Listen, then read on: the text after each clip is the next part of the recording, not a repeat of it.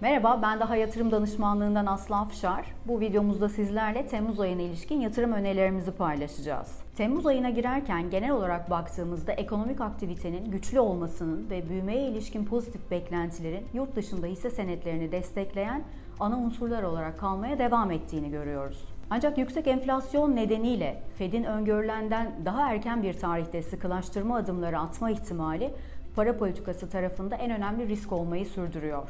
Enflasyondaki yükselişi geçici faktörlere bağlamaya devam eden FED, erken bir faiz artırımına gitmekten kaçınacağına ve destekleyici para politikasına devam edeceğine vurgu yapıyor olsa da 2022 yılında faiz artırım ihtimali çok da düşük değil. Öyle ki son FED toplantısında 7 üye 2022 yılında faiz arttırımı beklentisi içinde olduğunu göstermişti. Önümüzdeki toplantılarda bu üyelere iki üyenin daha katılması durumunda Fed'in orta nokta beklentisi otomatik olarak 2022 yılına kayacak.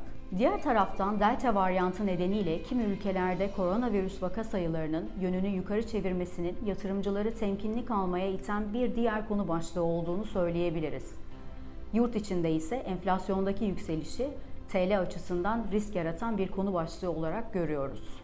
Temmuz ayı yatırım önerilerimize gelecek olursak, dengeli, dinamik ve atak tüm portföy gruplarımızda hisse senedi tercihlerimizi Arçelik, Coca-Cola, Koç Holding, Kardemir'de, Medical Park, Pegasus, Şişe ve Tofaş'tan yana kullanıyoruz. Son 12 aylık dönemde TL bazında %28.9 getiri sağlayan ve taşıdığı pozisyonlar itibariyle düşük riskli olan dengeli portföyümüzün Temmuz ayı dağılımında 3. değişken fonumuz olan suç fonunun ağırlığını %5 oranında azaltırken DTH'daki ağırlığımızı %5 arttırıyoruz. Son 12 aylık dönemde TL bazında %32.2 getiri sağlayan ve taşıdığı pozisyonlar itibariyle ortalama risk seviyesini yansıtan dinamik portföyümüzde Üçüncü değişken fonumuz olan suç fonunun ağırlığını %5 oranında azaltırken DTH'daki ağırlığımızı %5 arttırıyoruz. Son 12 aylık dönemde TL bazında %34,5 getiri sağlayan ve hali hazırda yüksek risk seviyesini yansıtan atak portföyümüzün